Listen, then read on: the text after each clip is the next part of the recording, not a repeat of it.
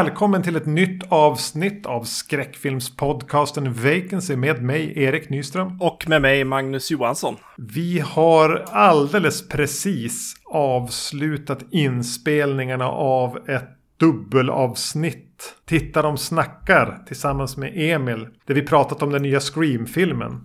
Mm. Så vi är ganska möra. Yes. Jag öppnade en öl som heter Lilla Björn. Uh, jag tänker redan nu uh, säga att jag har covid i det här avsnittet. Så jag hoppas att min röst inte är för irriterande idag. Och jag fyller år. Just det. Grattis, grattis. Mm, det är så här man firar. Yes. Jag tänker att på något sätt. Är det någon, något avsnitt med någon regissör man ska gå in med lite energifattigt? Ja. lite urlakad så är det väl för att prata om eh, två David Cronenberg-filmer. Eh, vilka då? Vi ska prata om Shivers från 1975 och Rabid från 1977. Men före det ska vi haka på den här nya trenden Mm. på Vacancy. När vi pratar om någon slags kortfilm. Precis, som vi har blivit rekommenderade. Ja, ja, jag tyckte det här är skoj. Ja. Eh, vi, vi såg några kortfilmer eh, under fjolåret. Eh, vad heter han? Ja, just det. Ja. Sydafrikanen. Ja, det har försvunnit. Ja, det, ni, ni vet vem det är. Han Neil gjorde... Blomkamp. Ja, tack. Ja.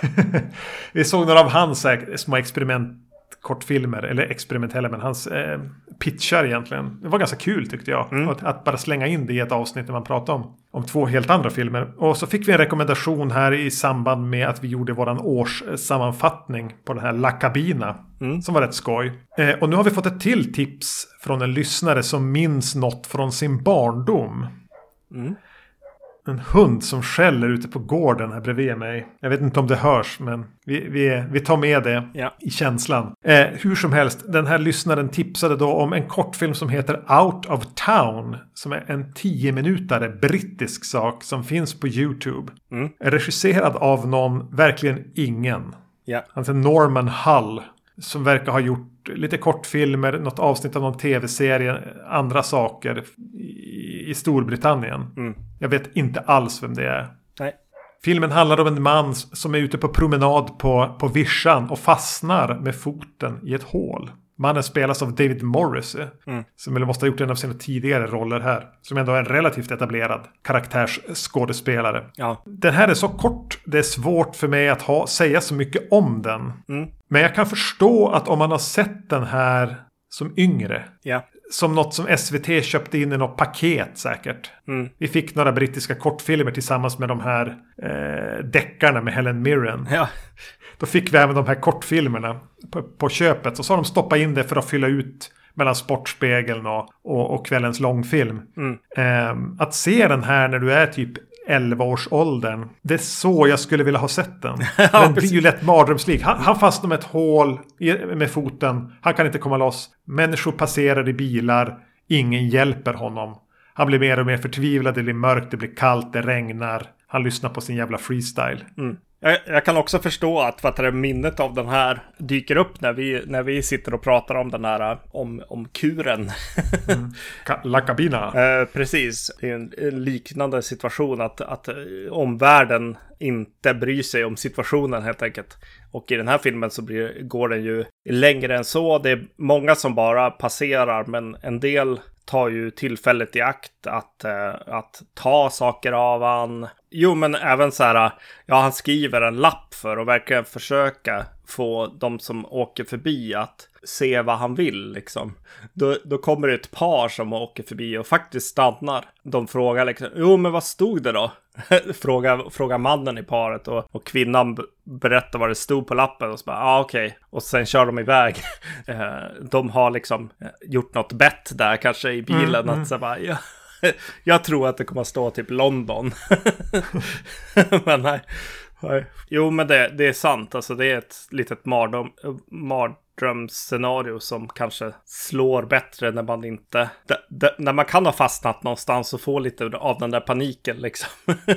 och jag tror inte man gör det så ofta i större, i, när man är lite äldre. Men det kanske bara är, är sån som jag är. Jag är inte ute i naturen och och går omkring och sådär. Nej, eh, men, men för mig blir den samtidigt lite för kort för att utveckla speciellt mycket resonemang kring. Ja, nej. Men som en sån liten kuriositet på tio minuter, eh, leta upp den på YouTube och se den. Jag menar, det, det är bättre än att se det, någon jävla YouTube-kanal med någon som ska testa stark chili eller någonting. Jo, det jag tänkte mest på var så här, när vi, när vi höll på att göra amatör, liksom skräckisar.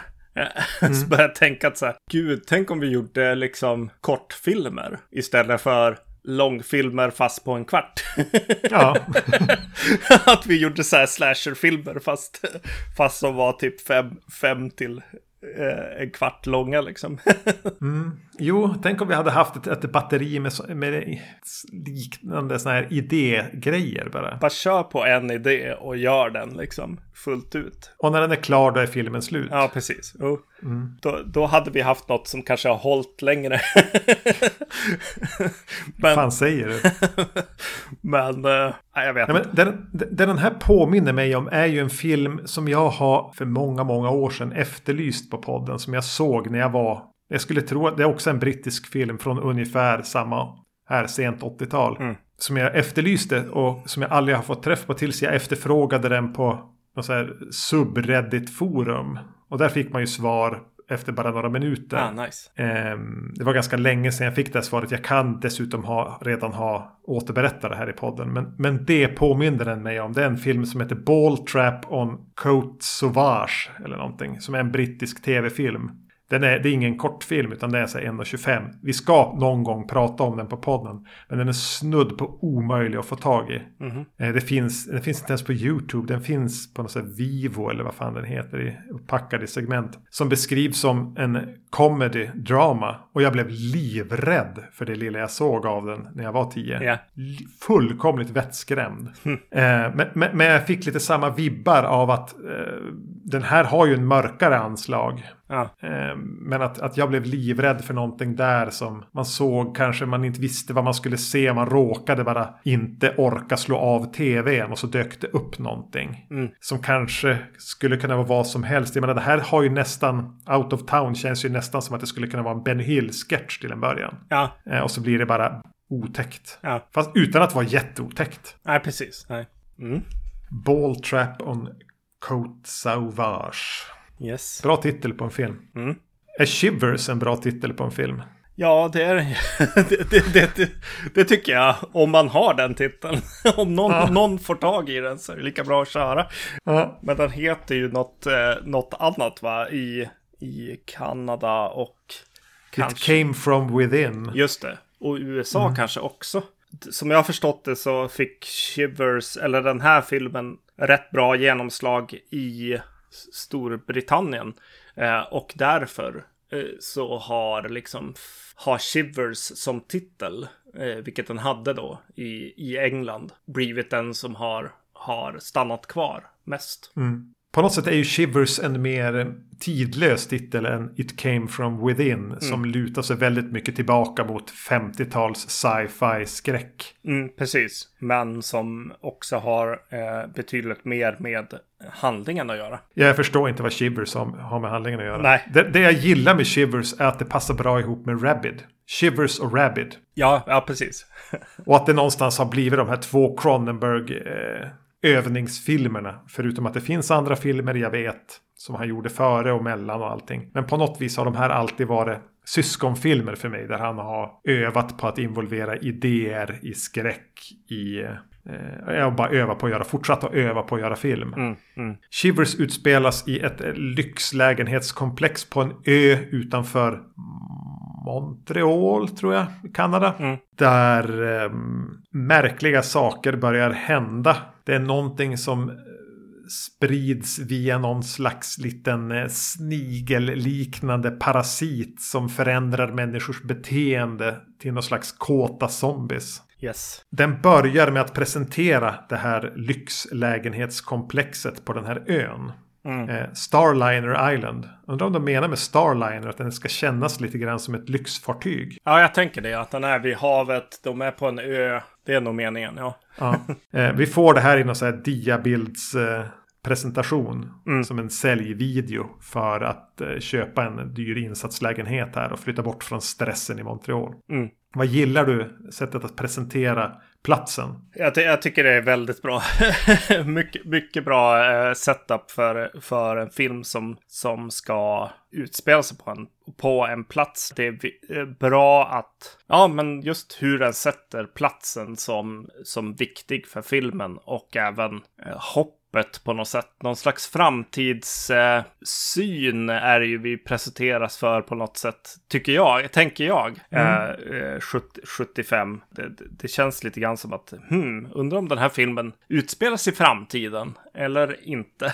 jag vet inte riktigt. Ja, men den pratar ju så varmt om det här lägenhetskomplexet. Det är mm. någonting med det som känns märkligt. Men ni har en ö. Man får ju se den i någon så här helikopterbild hur den ser ut. Mm. En stor lummig grön ö eh, förbinds med en bro till fastlandet. Ja. Och istället för att bygga exklusiva villor där man kan vräka sig inom pool och slippa grannar. Så har de valt att i ett litet hörn knö ihop det här superlyxiga ja. lägenhetskomplexet. Och att det på något vis ska säljas in som mycket, mycket bättre. Mm. Framtiden är att bo i trång, alltså i lägenhetskomplex. Mm. Med alla fördelar, fördelar det har. Ja. Och någonting där känns ju bara, vad är det här för märklig sci-fi värld? Där folk vill bo i fula,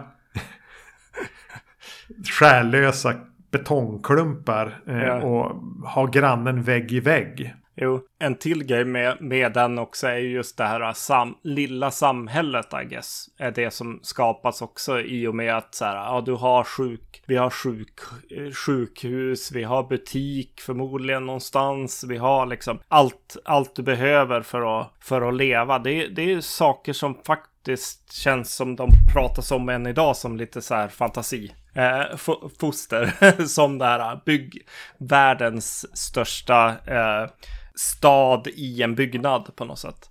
Ja, uh, så här, de håller på med Dubai och sånt. Ja, exakt. Jo, det är lite det de är inne på här. Och jag vet inte hur det låg till på 70-talet. Så det, det, är nog därför jag känner så här bara, oj gud vad, vad futuristiskt det känns. Mm. och eh, det blir väl ännu mer så för mig, bara för att jag känner att Uh, när de börjar presentera karaktärer så är det en som, som står och han borstar inte tänderna utan han har någon slags maskin där han sköljer liksom. Som någon sån här högtryckssköljare fast med en liten, liten tunn slang. Ja, precis. Och ja, det kanske fanns på 70-talet. Men jag blir också så här är det meningen att vi är i framtiden nu eller inte? Helt enkelt. Jag får lite vibben av att Cronenberg har så här bläddrat i illustrerad vetenskap 1974 och sett bara, ja men det här har de, det här, det här är prototyper som testas. Ja. Det här skulle kunna vara någonting. Mm. Och så slängt in det som för att visa bara på lyx och semifuturism. Mm, mm. Att det är den världen han vill etablera. Att den på något sätt är en värld som har, vill bort från resten. De vill särskilja sig från ja. pöbeln i stan. Från, man, det, det, ska vara lite exklusivt att komma dit. Och, och avståndet. Vi bygger vår egen lite Noaks ark här. Mm. Ja, men jag, redan nu, jag, det jag tänker är, te, är Cronenbergs tematik här är ju det att mänskligheten vill liksom så teknologisera, civilisera sig själv till någon slags högre pl plats. Nu är vi skapelsens krona. Men våra grundläggande, underläggande drifter bara kommer tillbaka hela tiden. Ja. Vi kan inte fly från vad vi är. Nej, exakt. Nej, det, det är sant. Det är nog precis det. där, där, där fick du det. Uh, nej, det är ju det, det det handlar om. Att så här, åh, jag är så civiliserad nu att jag borstar inte ens tänderna med en borste. nej, men lite så. Utan uh, det är ganska långt ifrån liksom no någon slags uh, primalt liksom state of mind. Vilket, vilket filmen kommer att komma till. Ja. I alla fall enligt Cronenberg. mm. Alltså, jag hade inte sett den här filmen eh, innan. Jag har sett den ett par gånger. Eh, en till tre gånger tidigare. Men det var länge sedan sist. Eh, för mig blev det bara så här. Eh, men vänta nu. vad, vad, vad löjligt det här blev. För Ben Wheatley gjorde en film för några år sedan. Som hette High Rise. Och den filmen är ju som bara det här. men vänta nu då. Eh, High Rise är skriven av samma författare som skrev Crash. Crash, ja exakt. Ja. Jag tänkte på det också. Jag bara, vänta nu. här är det någon... någon här finns det kopplingar. Eh, definitivt att vad heter det, Cronenberg ja, gillar författaren kanske. Eh, eller författaren gillar Shivers. Jag vet inte vilken timeline det är här. Nej, jag gissar ju för att Crash, jag vet att jag läste om Crash nu då när vi pratade om den i, i förra avsnittet. Så noterar jag att den var skriven tidigt 70-tal. Så man kan tänka sig att den här mm. författaren huvudsakligen var i, i ropet sent 60, tidigt 70 kanske. Just det. Jag har inte sett High Rise, borde jag göra det? Uh, ja, den kan du se. Jag hade som fått för mig att det var någon actionfilm. Ja, nej, nej, den, den går åt det här hållet. Ja, ja men då ska jag se den. Helt klart. Innan, innan nästa avsnitt. Ja. det, det var lite slående bara. men uh, ja, nej, de är väl på samma ställe. Jag, kan, jag, jag vågar tänka att Ben Wheatley gillar Shivers dock. Med tanke han har på, sett den. Eh, Killis till exempel. Där, där han ju eh, definitivt ha, har sett Wickerman tidigare. Ja. Mm. Ja, alltså den här filmen är ganska obehaglig. Alltså, jag, den öppnar med liksom att presentera den här byggnaden och folk som bor där i och, och det kommer ett nytt par som är hoppfullt och liksom så här, åh, ska komma och bo där eventuellt. Eh, ja. Och det, det är bara eh, klipps eh, mellan deras visning av huset och en äldre man som ger sig på en yngre typ skolflicka.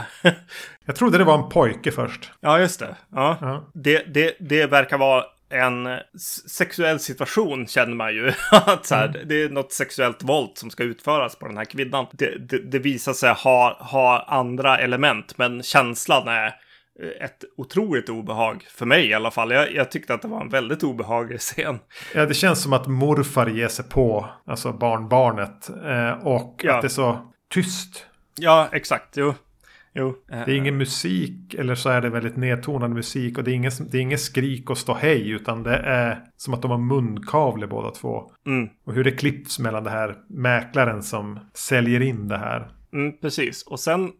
Äh, Ja, den, den slutar ju inte förrän de väl börjar. Alltså, själva vad händer då där? Eh, det är bara obehagligt liksom. Han, han, han stryper henne, han lägger upp henne på ett bord och tar av henne kläderna. Mm. Och eh, skär ett snitt eh, över magen och häller ner någon syra i i hennes magutrymme och sen eh, så skär han av halsen på sig själv. Ja. Eh, och det är sedan väldigt obehaglig eh, scenario som sedan visas vara någon slags semi så här. Jag försökte rädda oss scen, men jag vet inte. Ja. nej. ja, den är pr provokativ där i början. Mm. Mm. Och den går ut ganska hårt. Den mm. sätter tonen ganska hårt. Estetiken här är ju, alltså den är inte helt långt ifrån vad som känns i, som något Lensi skulle kunna ha gjort. Den, alltså, så, alltså den har lite en alltså, europeisk touch snarare än en amerikansk. Ah. Eh, jag vet inte vad det är som gör det. Om det är Cronenbergs liksom bara mm. små tweaks i hur han väljer att tackla filmen eller. Ja, jag har ju ingen koll på Cronenberg så, så mycket, men så jag var lite så här. Fan, jag måste gå en snabbkurs. Så jag vet det, började titta lite grann på intervjuer med Cronenberg eh, innan, innan vi spelar in här nu. Och eh, en grej han pratar om är så här, åh, han, han eh, gick mycket på bio och eh, gick och såg liksom så här Disney-filmer, blev väldigt berörd av att eh, barn, eh, han var väldigt ung här, eh, av att barn förlorade sin sin mamma i saker och ting, i Bambi ja. och, och sådana såna filmer. Eh, och så berättade han om att eh, när han var på Eh, när han då var på bio så såg han en annan biograf längre bort där folk, eh, vuxna människor kom ut från biografen och grät. Eh, och han bara, men vad är det som, vad händer där borta? Eh, och då sa han att, eh, ja det visades tydligen så här italiensk film där borta för det fanns så mycket italienare där han bodde helt enkelt. Ja. Eh, så det fanns, fanns en publik för det. Eh, så han blev väldigt nyfiken och gå dit och, och titta. Och nu när du sa att det kändes europeiskt så tänkte jag ah, att mm, ah, ja. kanske så finns klart. något där. Jo, det känns som att han på något sätt har, låt, har filtrerats genom det. Mm. Samtidigt som i hur den här filmen är sammansatt så är det någon som inte har så långt från att ha varit typ topp i sin klass på filmskolan. Nej. Den är väldigt filmskol. Ja, jo. Han är väldigt noggrann hela tiden. Han, han sneglar mot sin gamla lärare eh, när, när han sitter och klipper och, och, och, gör sitt bildmanus. Här. Att den är väldigt metodisk. så Både metodisk och lite fumlig. Mm. eh, kanske det som skapar lite den här exploitation-vibben också. Mm. Men jag kan gilla hur den, hur den känns i det. Ja. Alltså jag tycker, jag tycker den öppnar väldigt, väldigt starkt den här filmen. Eh, mm. Jag tycker att, eh, att hela den där sekvensen var väldigt obehaglig. Och sen, sen är det en man som vi presenteras för, han med den här tandrengöringsapparaten. Ja. Och Står och klämmer på buken, trycker ja, med fingrar i buken. Precis, när han får ont där i magen. Och bara, ja, det här känns, känns inte bra det här. det här. Och eh, lite hur, hur frånvarande han är och liksom lite kall och det, det, det, finns definitivt en spänning som byggs upp här. Det jag verkligen gillade i inledningen med den här mannen eh, som trycker sig i buken och borstar tänderna. Mm. Som behandlar sin fru eller sambo ganska svalt. Att han åker ju in till jobbet och mår inte bra efter att han åker upp och bevittnar det här som har hänt. Och utan att, utan att det sägs tror jag så vet jag exakt vad som har hänt. Mm. Och det är inte för att jag har sett den tidigare. Men kopplingarna som görs där mellan aha okej. Okay, han låg med grann flickan. Ja, precis. Jo. Hon var en av på något sätt oren. Det fanns någonting i henne. Mm. Och nu är han förmodligen smittad av det. Ja. Det vet jag utan att filmen någonsin behöver tala om det i någon... Kanske gör det sen. Ja. Men jag vet det när han sitter på kontoret sen. Mm. Okej, han är också påverkad av det här. Mm. Den gör det ganska lagom tydligt utan att bli, det blir aldrig exposition. Nej, precis. Nej, exakt. Och det kanske där, alltså det du säger nu är intressant för att, ja, jag var ju lite så här, jag vet inte om jag var hela vägen där. Jag var, jag var kanske att så här, jo men han har ju legat med henne, för han säger, jag ska till kontoret, hon, frugan säger, kan jag ringa dig? Han bara, nej, jag kommer vara ute på mycket grejer. Okej, okay, han är otrogen på något vis. Ja. Och sen så kommer han dit till den han är otrogen med och hon är ju död och så. Eh, så att han mår så väldigt dåligt efter det är så här bara, ja men är det, är det jag bara mår han dåligt över att hon är död.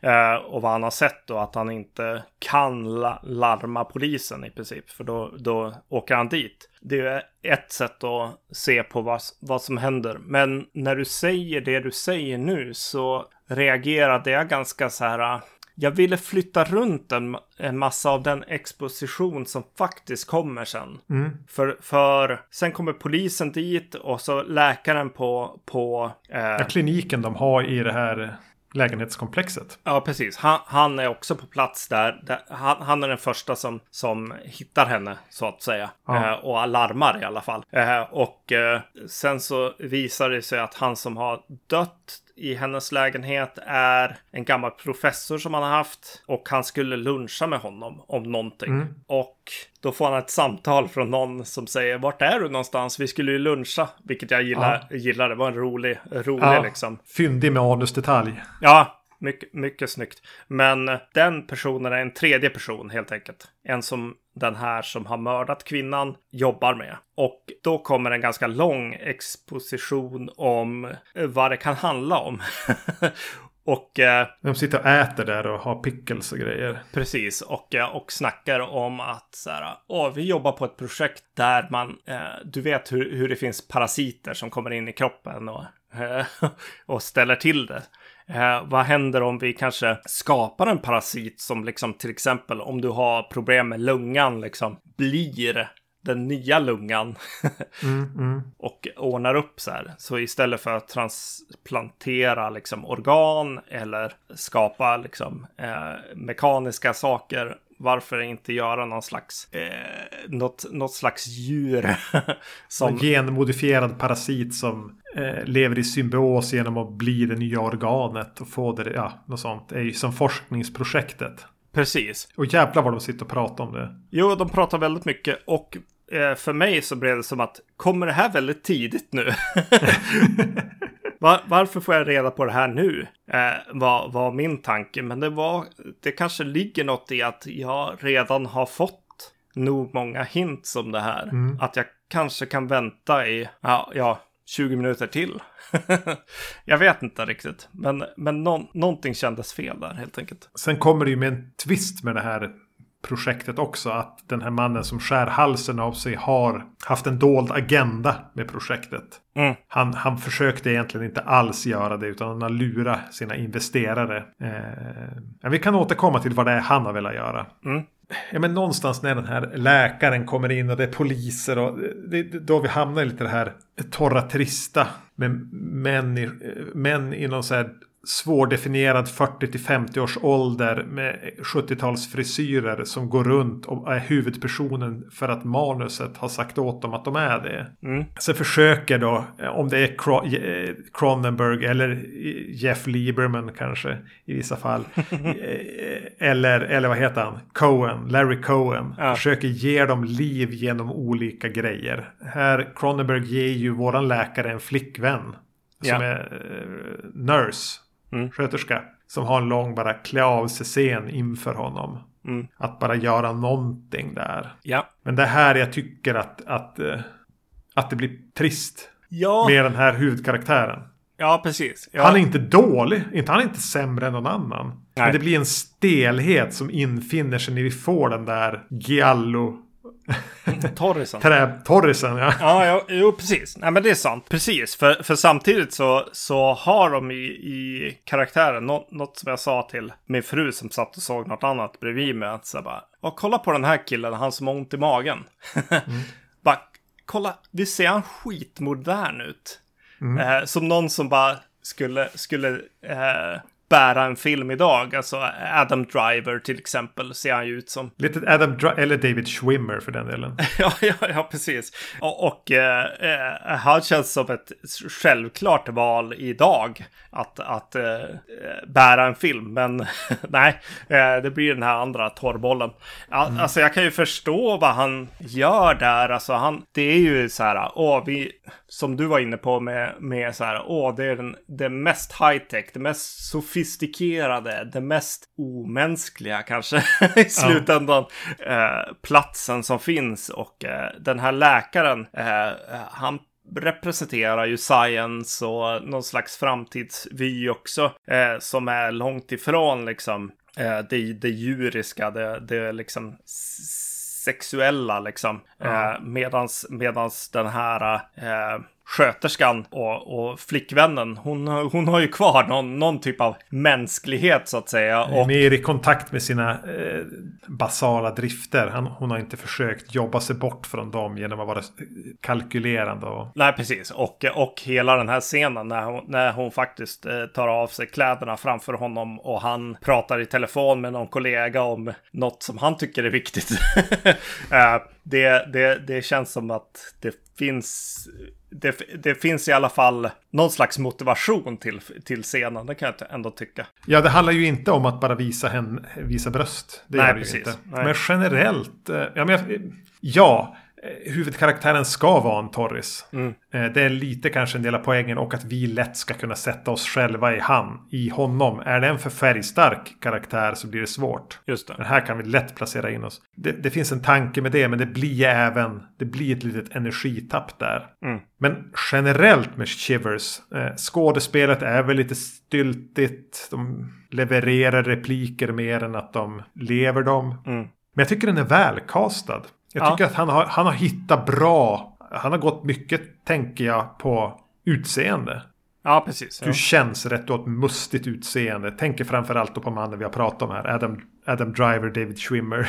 Ja. Han ser ju bara så intressant ut. Mm. Eh, läkaren som, eller professorn som skär halsen av sig gillar jag. Ja. Eh, den här läkarkollegan som han är och lunchar med. Mm, han, han är bra. Han är en sån där som man gärna ser i fler grejer. Vilket vi ju kommer göra.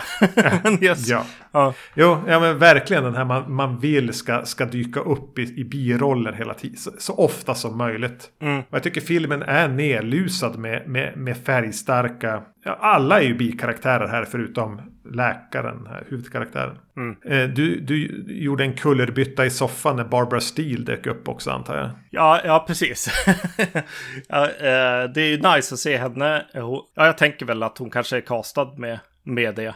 så här, ja. Oj, vilket namn. Men hon får ju spela en riktig, helt vanlig människa här. Hon brukar ju vara i princip så här Elvira-typen ja. typ. När hon, när hon kommer in som, som någon slags äh, väsen nästan. Och det är lite kul att se, se henne i, bara som grannen. grannen kanske dricker vin för ofta. Ja. Kanske är lite tänd på grannfrun. Ja, precis. Ja, jag, jag, jag gillar henne och eh, hennes stora scen tycker jag också hon gör, hon gör väldigt bra ska jag säga. Alltså det är när hon, hon blir ju attackerad av en av de här parasiterna i badkaret. Ja. Jag är så här, oj vad, eh, den, den kändes lite teknisk scenen så här och, och så. Eh, och ganska övertydlig med vad den höll på med. Men sen när hon väl då blir eh, anfallen och reagerar på det så bara helt plötsligt så bara känner jag någonting. jag bara oj shit. mm. det, det, var jag inte beredd på utifrån hur, hur lite så här slow den är och. det är ju ingen fantastisk effekt, det är det ju inte. Nej, nej. Men sen så säljer hon den. och kanske lite grann också valet av att eh, hon slår till glaset som hon har druckit vin ur. Det, det, är nog viktigt för den scenen också. Att helt plötsligt så exploderar den scenen. ja. Det känns som ett filmskoleknep. Så här, krossa ett glas för att ge liv åt din scen. Just det, ja. Mm. Ja, men vi har pratat, jag säger den är välkastad, jag kan gilla hur den är sammansatt även om det är minutiöst noggrant. Men jag vill tro att Cronenberg har varit extremt noggrann med setdesign här. Mm. Med färger, med det här 70-talsmurret. Alltså det är mycket orange, det är mycket gult, det går lite brunt. Men att eh, tavlor på väggarna, eh, någon ljusstake, hur saker ligger på ett nattduksbord. Han har varit där och pillat och petat rätt mycket. Han, jag tror att han gillar arkitektur, han gillar design de här två gröna lamporna som de har i sovrummet ja. är, är, ju fantastiska. ja. ja. Så det är mycket att han, och han gillar bara att slicka den här huskroppen också. Mm. Kameran får titta upp på det här lägenhetskomplexet. Och det är ju någonting som jag tänker att vi om vi nu ska titta på hur mycket Cronenberg kommer att känna av att han, jag tror att han är någon slags arkitektnörd. Mm. Ja, jag tänkte på Argento vid något tillfälle också. Han gör det här också ibland bara. En fasad bara rakt framifrån och så lite så här, ja men tilta uppåt och titta på den. Det, det, det är väldigt så här, bara, ja, här är den. Men jag tycker att han återkommer ofta till att titta på hus. Ja. Mm. Jag tänker att han går runt i städer och tittar på hus på ett annat sätt än vad man kanske gör själv. Om man inte är intresserad av det. Jag tycker det är någonting i ögat där. Det, bör, det börjar ju luta åt att vi, vi, vi börjar titta på Cronenberg en del här nu. Det känns som att vi kommer göra det. Så eh, det ska bli väldigt spännande att börja se de här grejerna. Och se, se vad, man, vad, vad man känner till. Så här. Jag har sett Cronenberg väldigt sporadiskt helt enkelt. Eh, mm. Så jag har, jag har inte riktigt fått grepp på honom än. Eh, och det är lite kul att se, se den här filmen utifrån det. För jag har inte grepp riktigt än. Jag, jag har en tydlig bild av att saker är freudianskt. Ja. Väldigt mycket.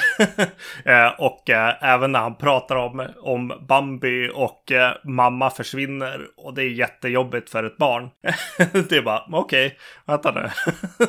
det ligger någonting i det. Men just när jag ser den här filmen så tänker jag väldigt mycket på att, ja men okej, okay, om en sån person som, som har ja, börjat tänka väldigt mycket mer fil eh, filosofiskt eller på, på eh, psy psykologiskt på saker och ting. Mm. Om en sån ser på Night of the Living Dead till exempel. Ja. Så finns det ju en massa saker där som man bara kan, kan ta tag som kan slå en på ett helt annat sätt än vad den slår mig till exempel. Eh, att så här, oj, fokusera väldigt mycket på den här eh, dottern i källaren och eh, när hon, hon mördar mamman och ska hon börja äta av mamman och vad händer då och så. Ja. eh, och det känns som att den här filmen eh, har ju scener som det, alltså med, med en familjekonstellation som dyker upp som skapas i filmen i en hiss. Ja, i en hissscen. eh, som dyker upp där att så här, åh, vad händer med den där familjen sen? Lite grann nästan. Som att han har djupdykt en massa i, i så här den då. Och så, och så tänker jag att han, han sitter och ser Night of the Living Dead och bara oj, oj, här går de omkring utanför och de söker så här skydd och eh, alltså det finns en massa annat så här som, eh, som man kan läsa av eh, om man börjar följa zombisarna och så här. Och de är nakna och vad betyder det? Betyder det mer än att så här, jo men de är nakna för att de är döda och eh, ligger på bårhuset. Mm, mm. Som det gör för mig. Michael Mann-perspektivet. Ja, att det finns mer där att hämta. Eh, och jag, eh, jag känner att den här filmen blir väldigt mycket så här, what if eh, mer Freud i, i Night of the Living Dead på något sätt. What if Sigmund Freud ja, precis. skrev Night of the Living Dead. Ja. Eh, eh jo, men jag tycker man ser, jag blev lite förvånad när man kommer liksom från Crash som ju på något vis var så 20 års eh, arbete inom, inom filmgenren. Mm. Kommer han dit till slut att man ser ju att, att idéerna är där. Där valde ja. han att göra alla karaktärer till huvudkaraktären i den här. Och att det får en egen poäng. Alltså det ska vara den här sterila, kyla, kyliga, svala. Mm. Att, men, men, att idéer och tankar som han har jobbat, verkar ha jobbat med från början. Det är kul att se. Det blir lite David Lynch när man ser Eraserhead och ser det här fiskbensmönstrade golvet och draperierna från eh, Black Lodge eller The Red Room är med redan mm. tidigt 70-tal. Så var det en, en, en, en idé han, hade, han levde med. Mm. Men, men, som, som, jag sa, som vi, vi skulle återkomma till det den här professorn har gjort i lönndom eh, för, för, i, i, sitt vetenskapliga projekt är ju att den här parasiten ska ju inte ersätta då typ en, en, en fallerande njure. Utan den ska ju som förändra människan och, och föröka sig och, och, och spridas vidare som ett virus. Eller, ja. Och det är ju att han tycker människorna blev för mycket, för mycket hjärna och för lite libido. Mm. Han vill bara att världen ska bli en enda stor orgie. Ja. Som hans, hans eh, Bond-skurks idé. Ja. Har han fel då? ja, exakt. Jag skrev det också. Precis, det finns, finns vissa så här. Jo, men när en, när en skurk blir som mest dynamisk eller liksom intressant är väl när det, när det börjar bli någonting så här. Det finns någonting så här. Någon kan börja känna att så här bara, ja, men finns det någon poäng här eller inte liksom?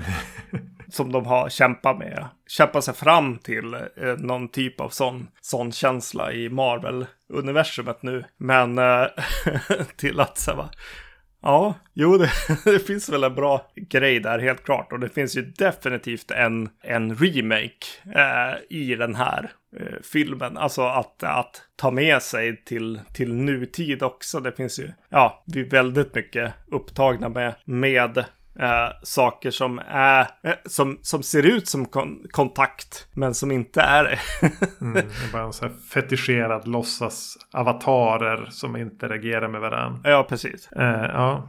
Ja, har, har du något du vill avsluta ett resonemang kring Shivers med? Ja, jag, jag, jag tyckte den här var jättebra och jag tycker att han, eh, han, eh, hans provokationer slår hårt nu också liksom. Det finns mm. väldigt mycket så här som är så här. Ja, det där är ju lite över gränsen och så här. alltså när han, han som ser ut som Warren Ellis är inne, inne i något rum och presenterar sin dotter som är till, eh, till den här doktorn och, och, och erbjuder väl sin, sin dotter till honom. Men när han, eh, av, eh, när han inte är så intresserad så är han ju själv intresserad istället ja. av dottern. Ja, men då tar jag mer. Ja, precis. Eh, ja, det, det är två unga kvinnor som kommer i koppel och sådär som man bara ser lite snabbt och eh, som går på alla fyra. Ja, det är, det är rätt mycket, mm. mycket provok provokation eller vad man ska kalla det för. Som jag tycker är, är, riktigt bra och riktigt bra att köra med den här sexuella zombien. Alltså det är jättefarligt att göra. eh, och det skulle vara väldigt farligt nu. Men kanske att det skulle det ha en poäng. Och, och, är det så här, är det farligt det? Ja, jag vet inte. Men det, uh, ja, jag vill, jag vill, se en, en remake. Mm. Så är det bara.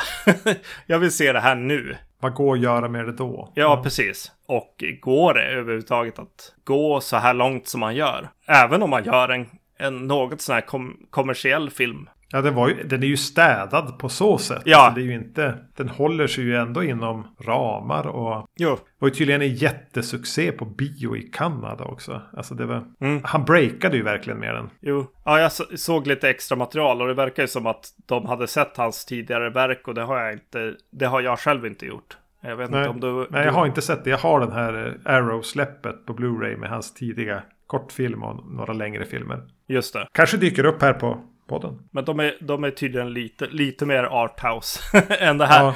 Eh, så de, de la ju in eh, distributörerna, eller finansiärerna, la ju dit Ivan Reitman. Eh, så Ja, han är där och var sån här music supervisor bland annat. han, han kom in som producent, som den som fick hålla koll lite på David Cronenberg tror jag. Från deras sida. Men det, det är roligt att se hans namn eh, på någonting som det här. Ja, jag blev förvånad. Ja, jag gillar den här filmen. Helt klart. Det gjorde jag.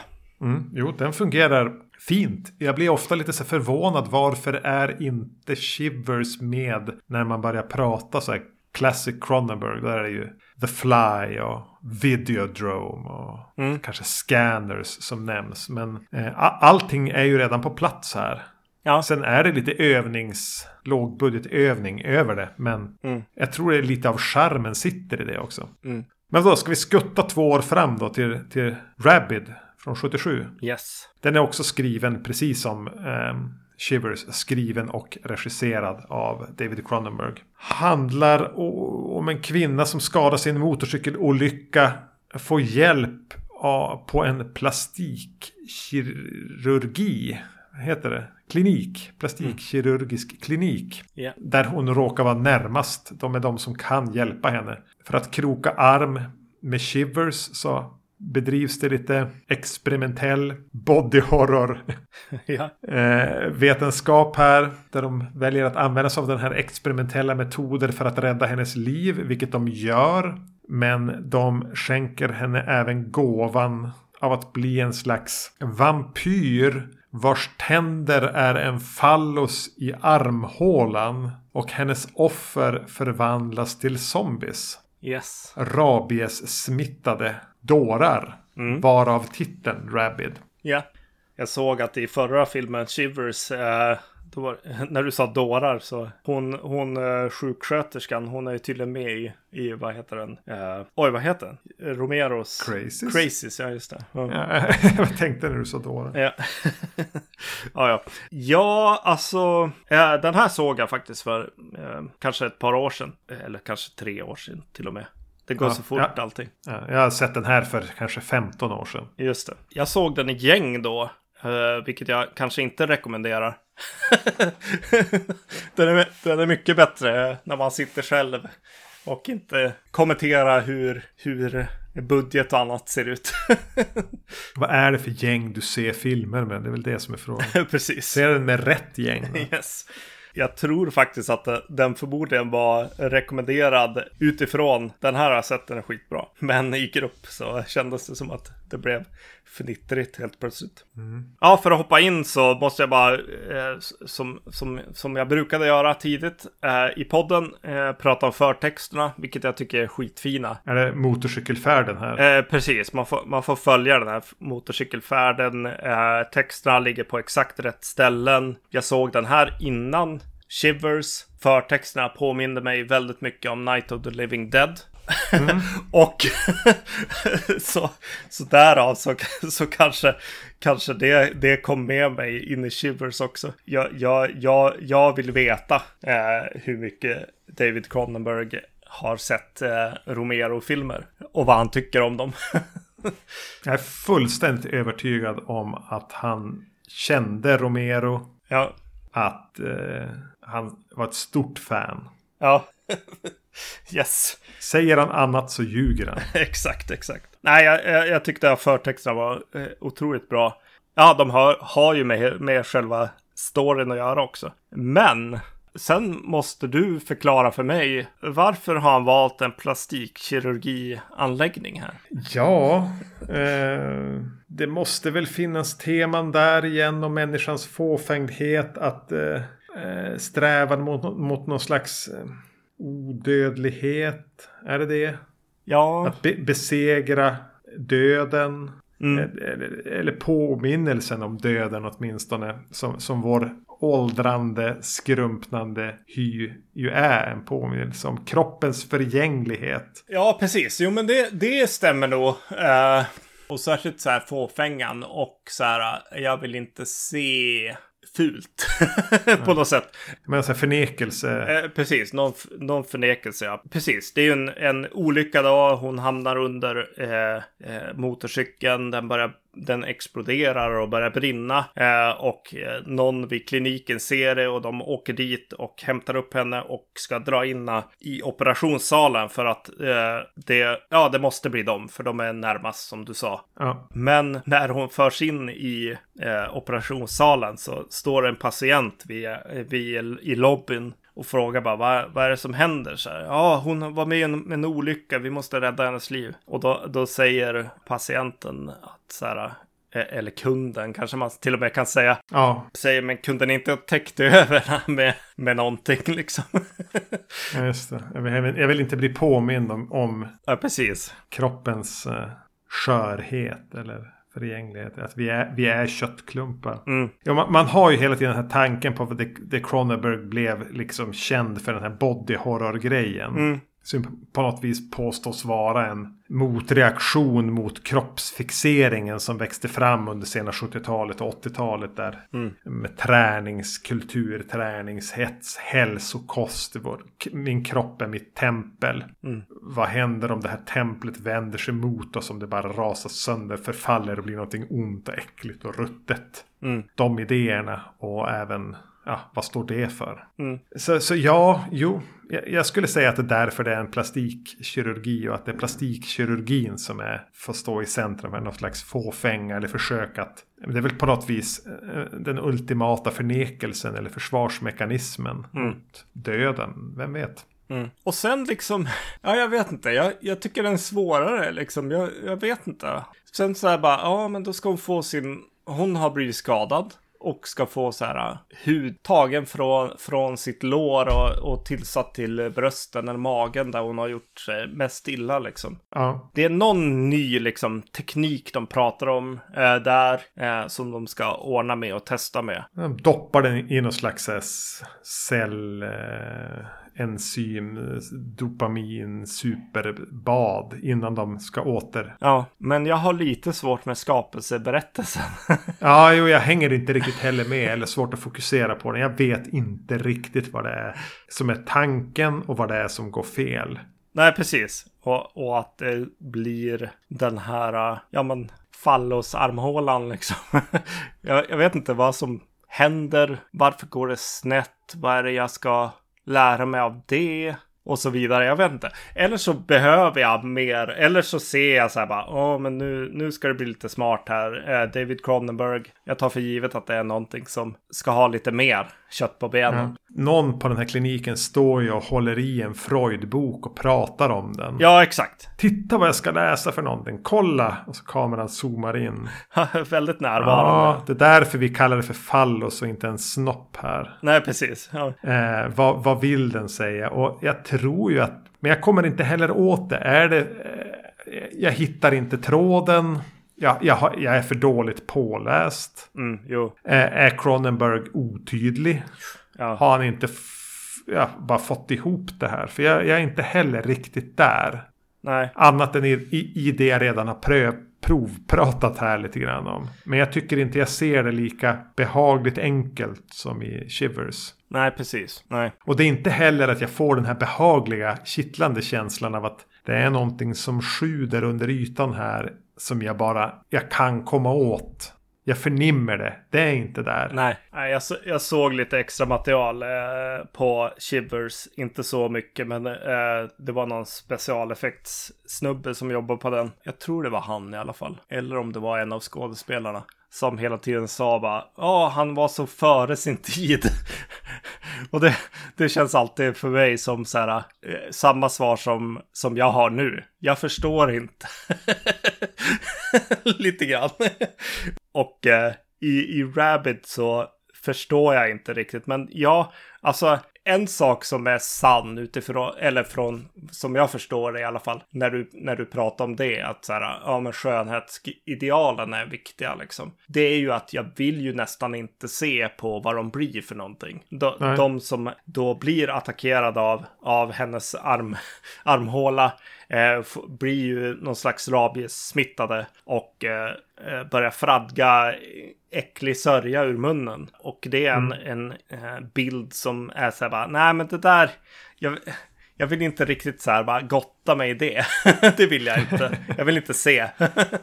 så, så där är det väl någonting i och för sig, men... Ja, jag får en liten känsla av att det finns eh, psykologiska idéer, psykoanalytiska idéer kring som kanske tangerar det här som jag inte har koll på. Mm. Alltså, en, en, en, film ska ju samtidigt inte vara så ingrottad att du ska ha läst de här sju böckerna Nej. för att förstå dem. Det tycker jag att den ska kunna, man ska kunna förstå den ändå på något plan. Mm. Eh, och det är ju inte så att den är obegriplig. Det är bara så att den här tematiken inte riktigt Ah, nej. Jag får ingen resonans för mig. Och då känns den på något vis mer ambitiös här. Den, den backar några steg från det här lite exploitation slafsiga som ändå Shivers eh, stod med ena benet ganska tryggt i. Mm. Eh, alltså lite en, en, klassisk zombiefilm på ett sätt. Ja. Så, så antagligen här är ju mer skepnaden av någon slags dramatriller bitvis. Ja. Eh, som känns mer påkostat. De rör sig över, eh, genom städer och längs eh, motorvägar. Och mm. det, det, har funnits mer pengar här. Men det har väl snarare gjort den lite mer lite tråkigare. Ja, precis. Jo, jo, jo det tycker jag nog också. Jo, men eh, precis. Ja, men det ska den kanske ha. Samtidigt som den inte ska det, som du sa nu. Men eh, just hur, den, hur stor den blir är ju mm. spännande liksom. Att, mm. att så här, ja, han tar in väldigt mycket av, av den här radiorösten från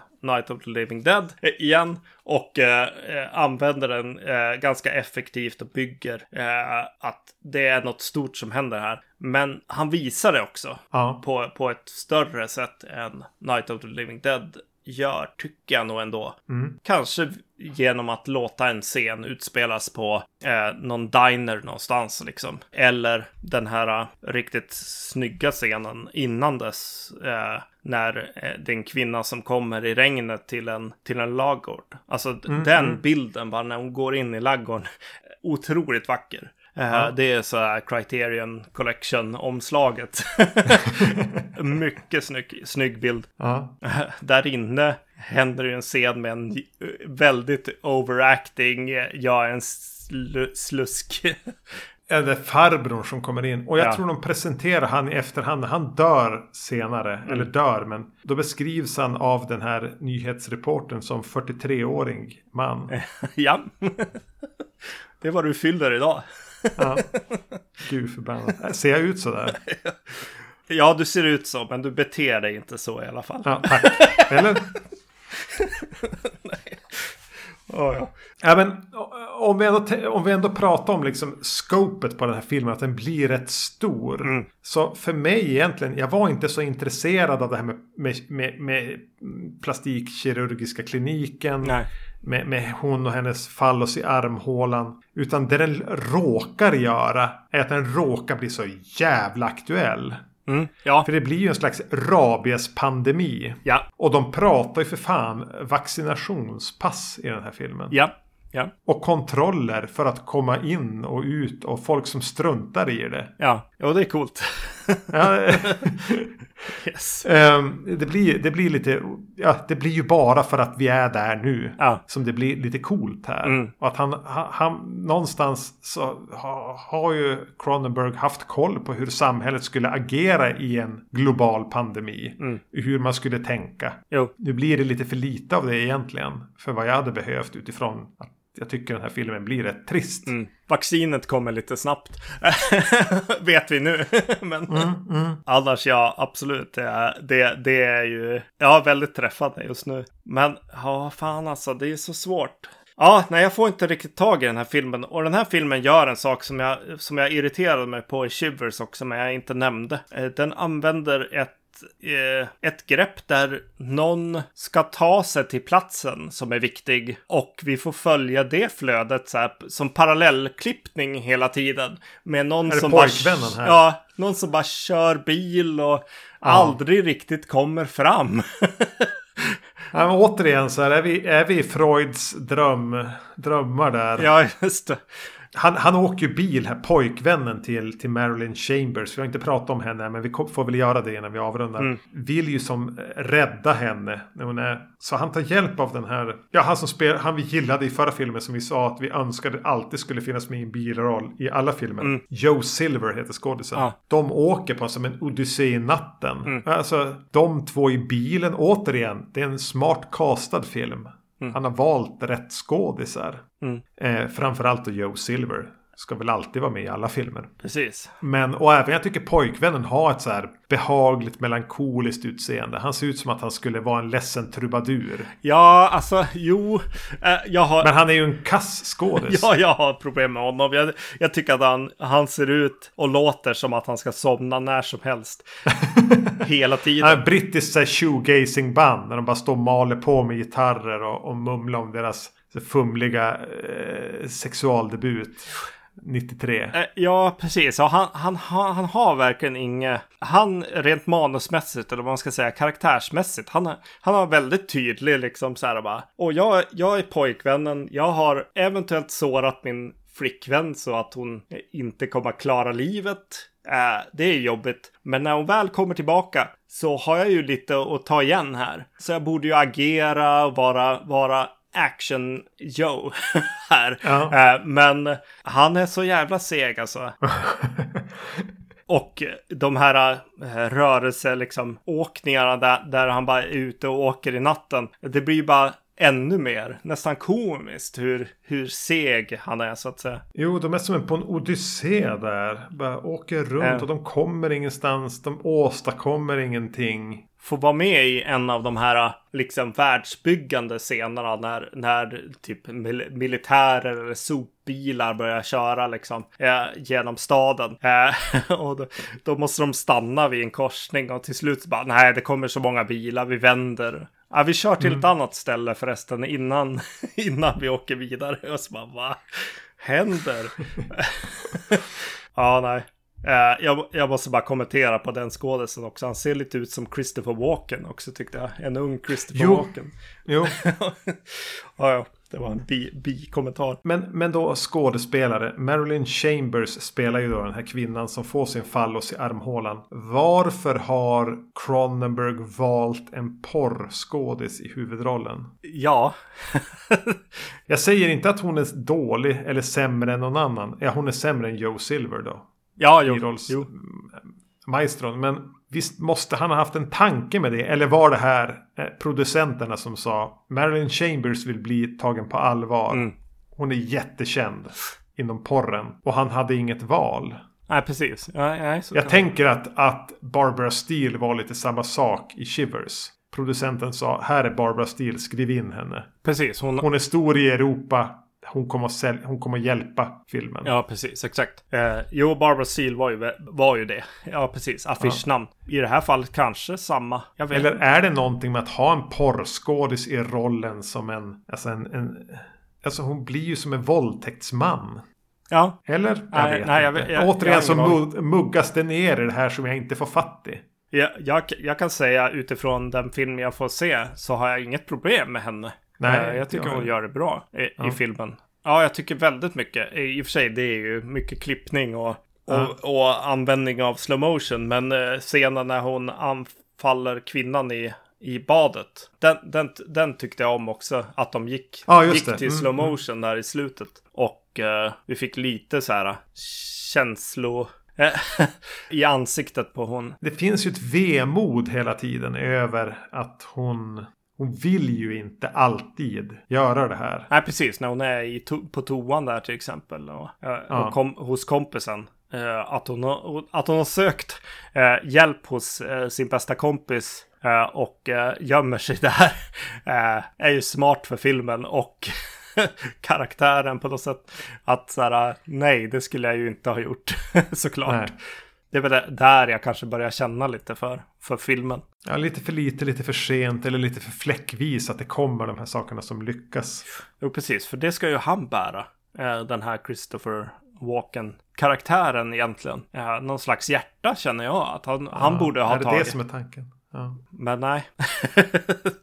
ja, nej, alltså som sagt. Eh, vaccinet, stanna hemma, epidemigrejen liksom är, är kul att se nu. Eh, att den utspelas på många ställen och lyckas liksom bygga ut det Night of the Living Dead ändå klarar för sin budget. Att, att få den ännu större lite grann. Eh, ja, och att ja. den blir kanadensisk tycker jag är kul också. Att så här, ja, det är, vi är i Kanada. Mm. Det finns inget, inget att hymla med där. Eh, som slasherfilmerna kanske gör. Eh, som kom från Kanada. är, man är ju så van att det är kanadensiska filmer som försöker låtsas vara USA. Mm. Men här är det verkligen tydligt. Och även här ändå är Cronenberg intresserad av hur byggnader ser ut. Mm. Han tittar lite väl mycket på den här kliniken. Mm. Det, det, är ju en, en cool, ar, ar, arkitektiskt cool byggnad. Mm. Gill, alltså, han tittar på den mycket. Och ska vi in i, i staden, är det Montreal här också kanske? Så ska vi titta upp på husen här och han ska titta på alla jävla hus. Och, ja, jag ser som bara en så här ung Cronenberg som går runt i städer och, och tar in hus. Mm. Och han, han, kan inte låta bli att låta det sippra över i filmerna. Mer bara som en, som en touch kanske än att, det, än att det betyder någonting eller har en poäng. Men jag har en känsla av att det här är någonting vi kommer att kunna se mer av i fortsättningen och titta på hans film. Att ta med hur tittar Cronenberg på hus Mm. byggnader. Och även set design. Jag tycker man ser även här att det är designat. Han har varit lite intresserad av vilken sorts lampa som ska stå på nattduksbordet. Mm. Eh, det finns ett litet bygge där. Ja, jag tycker det är jättesnyggt också när hon, är, när hon ger sig ut på gatorna och går omkring. Men det är ju ofta snyggt när det, när det mm. kommer de här eh, neonljusen liksom som lyser upp ansikten och så. Där. Hon går förbi en Carrie-affisch va? Just det, ja det gör hon. Ja. ja, det är snyggt. Eh, hela så här gröna, nästan turkosa nattbelysningen i trafiken också är väldigt snyggt liksom. När de är, ja. är och kör. Jo, men han har ju en viss cinematisk känsla. Mm. För att vara alltså, ganska tidigt i karriären och hyfsat låg budget. Så... Ja, jag, jag, ja, precis. Jo, tidigt i karriären. Alltså nu såg jag de här i, i, i fel ordning så att säga. Jag såg uh, Rabbit först och uh, Shivers sen. Och jag, jag, jag tycker att, ja, det är kanske jobbigt att göra ett andra album, men eh, uh, Shivers är eh, ju, är ju gjord av, av någon som har lite mer koll. Jag vet inte vad som har hänt riktigt. Ja, nej, men jag håller med. Jag håller Shivers betydligt högre. Uh, det här känns, jag vet inte, han blev självmedveten. Mm. Har, han fick mer pengar för att han ville kunna förverkliga en vision men då kom det mer krav. Var det i grunden ingen vidare idé? Lyckas han inte förmedla sin idé? Jag vet inte men någonting har liksom strandat lite grann i Rabid jämfört med, med Shivers mm. som jag tycker är en liten härlig att den har mer en, en, en exploitation-aura med genuina idéer, tankar och, och, och, en skaparglädje så känns den här lite torrare på alla plan. Mm. Inte att den är utan poänger eh, så, men ja, ja, ja, du sa det bra. Det är svårt att göra ett andra album. Om man nu ska se det så. Jag tror han gjorde någon film mellan de här också. Men, men, men det är väl beställningsjobb snarare i sådana fall kanske. Ja, nej precis. Ja, nej, jag får inte riktigt tag i den här filmen. Och därför så börjar jag prata om snygga bilder. Så ja, är det ju bara. Ja, men det blir väl ja. så. Och den, den, saknar ju definitivt inte snygga bilder. Den är ju välfotad. Mm. Hittar natten bra också. Om man ska säga något positivt med den här. De bara åker runt i en bil och inte kommer någonstans. Eller har någonting att göra. Så ser det ju oftast rätt schysst ut. Mm. Ja, precis. Nej, okej, okay, jag, jag, jag, jag, fortsätter här bara, bara en liten stund till. När han kommer till henne då, eh, Christopher Walken här. när han kommer till henne och inser att det är du, det är du som har gjort allt det här mot dem. Då finns det inget svar. det, det, för mig så kopplar jag inte. Jag bara, ja, det är det ju det blev ju så. Det blev någon slags hudtransplantation och så fick hon en grej och så började hon suga blod för hon behövde blod och så blev de zombies och så ja, jo men det var du hela tiden. Vad tråkigt. Alltså det blev skräckfilm bara. jag vet ja. inte. Och jag kanske ja. behövde mer. Ja, eh, och framförallt en film med det här lite mer långsamma upp anslaget hade behövt ha mer som kan presenteras där. Mm. Eh, hade den varit med ännu mer exploitationig mm. hade det varit en annan sak. Ja, ja precis. Att den bara hade slafsat på. Mm. Då hade det varit lättare. Då hade man inte brytt sig om att det var så. Men nu, nu tar ju den här sin tid och man, man, får hela tiden känslan av att det finns saker här den vill förmedla, vill prata om. Vill mm. ha ambitioner. Då hade den kanske behövt leverera mer. Eller så hade den behövt kunna artikulera det den vill säga. Så att eh, de här två idioterna som ni lyssnare hör nu tugga på hade förstått det. Mm. Kanske har ni förstått det, då får ni gärna förklara det då. Yes, det vore grymt. Ja. Förklara Rabbit för oss då. Yes. Ni som har läst allt av Freud. ja, precis. Och Jung. Och Lacan. Sant, sant. Inte vi som bara har en ja, idé om vad... Vad det är för något. har du sett uh, A Dangerous Method? Jo, det har du gjort. Nej, just den har jag inte sett, nej. Jag såg den bara här om, alltså efter vi såg eh, Crash. Mm. Var jag tvungen att se den. Ja. Eh, Cronenbergs Freud och Jung-film från, det var ju nyss, eller det var typ hans senaste film. Nej, Maps to the Stars och de där kom efter. Men mm. den var väl okej. Okay. Ja. Kan du se, du kommer inte ha tråkigt. Nej. Ja, nej men vi har väl som börjat prata om att vi kanske kommer, det, det kommer då eh, något till Cronenberg-avsnitt i år. Säkert för tidigare än vad vi tror. Ja, det kan jag tycka. När vi ändå är på det spåret. Men men det är inte där vi ska vara nästa gång. Ska vi avslöja det eller ska det få bli en överraskning hur vi ska fira vårt tioårsjubileum? Jag tycker vi kan avslöja det.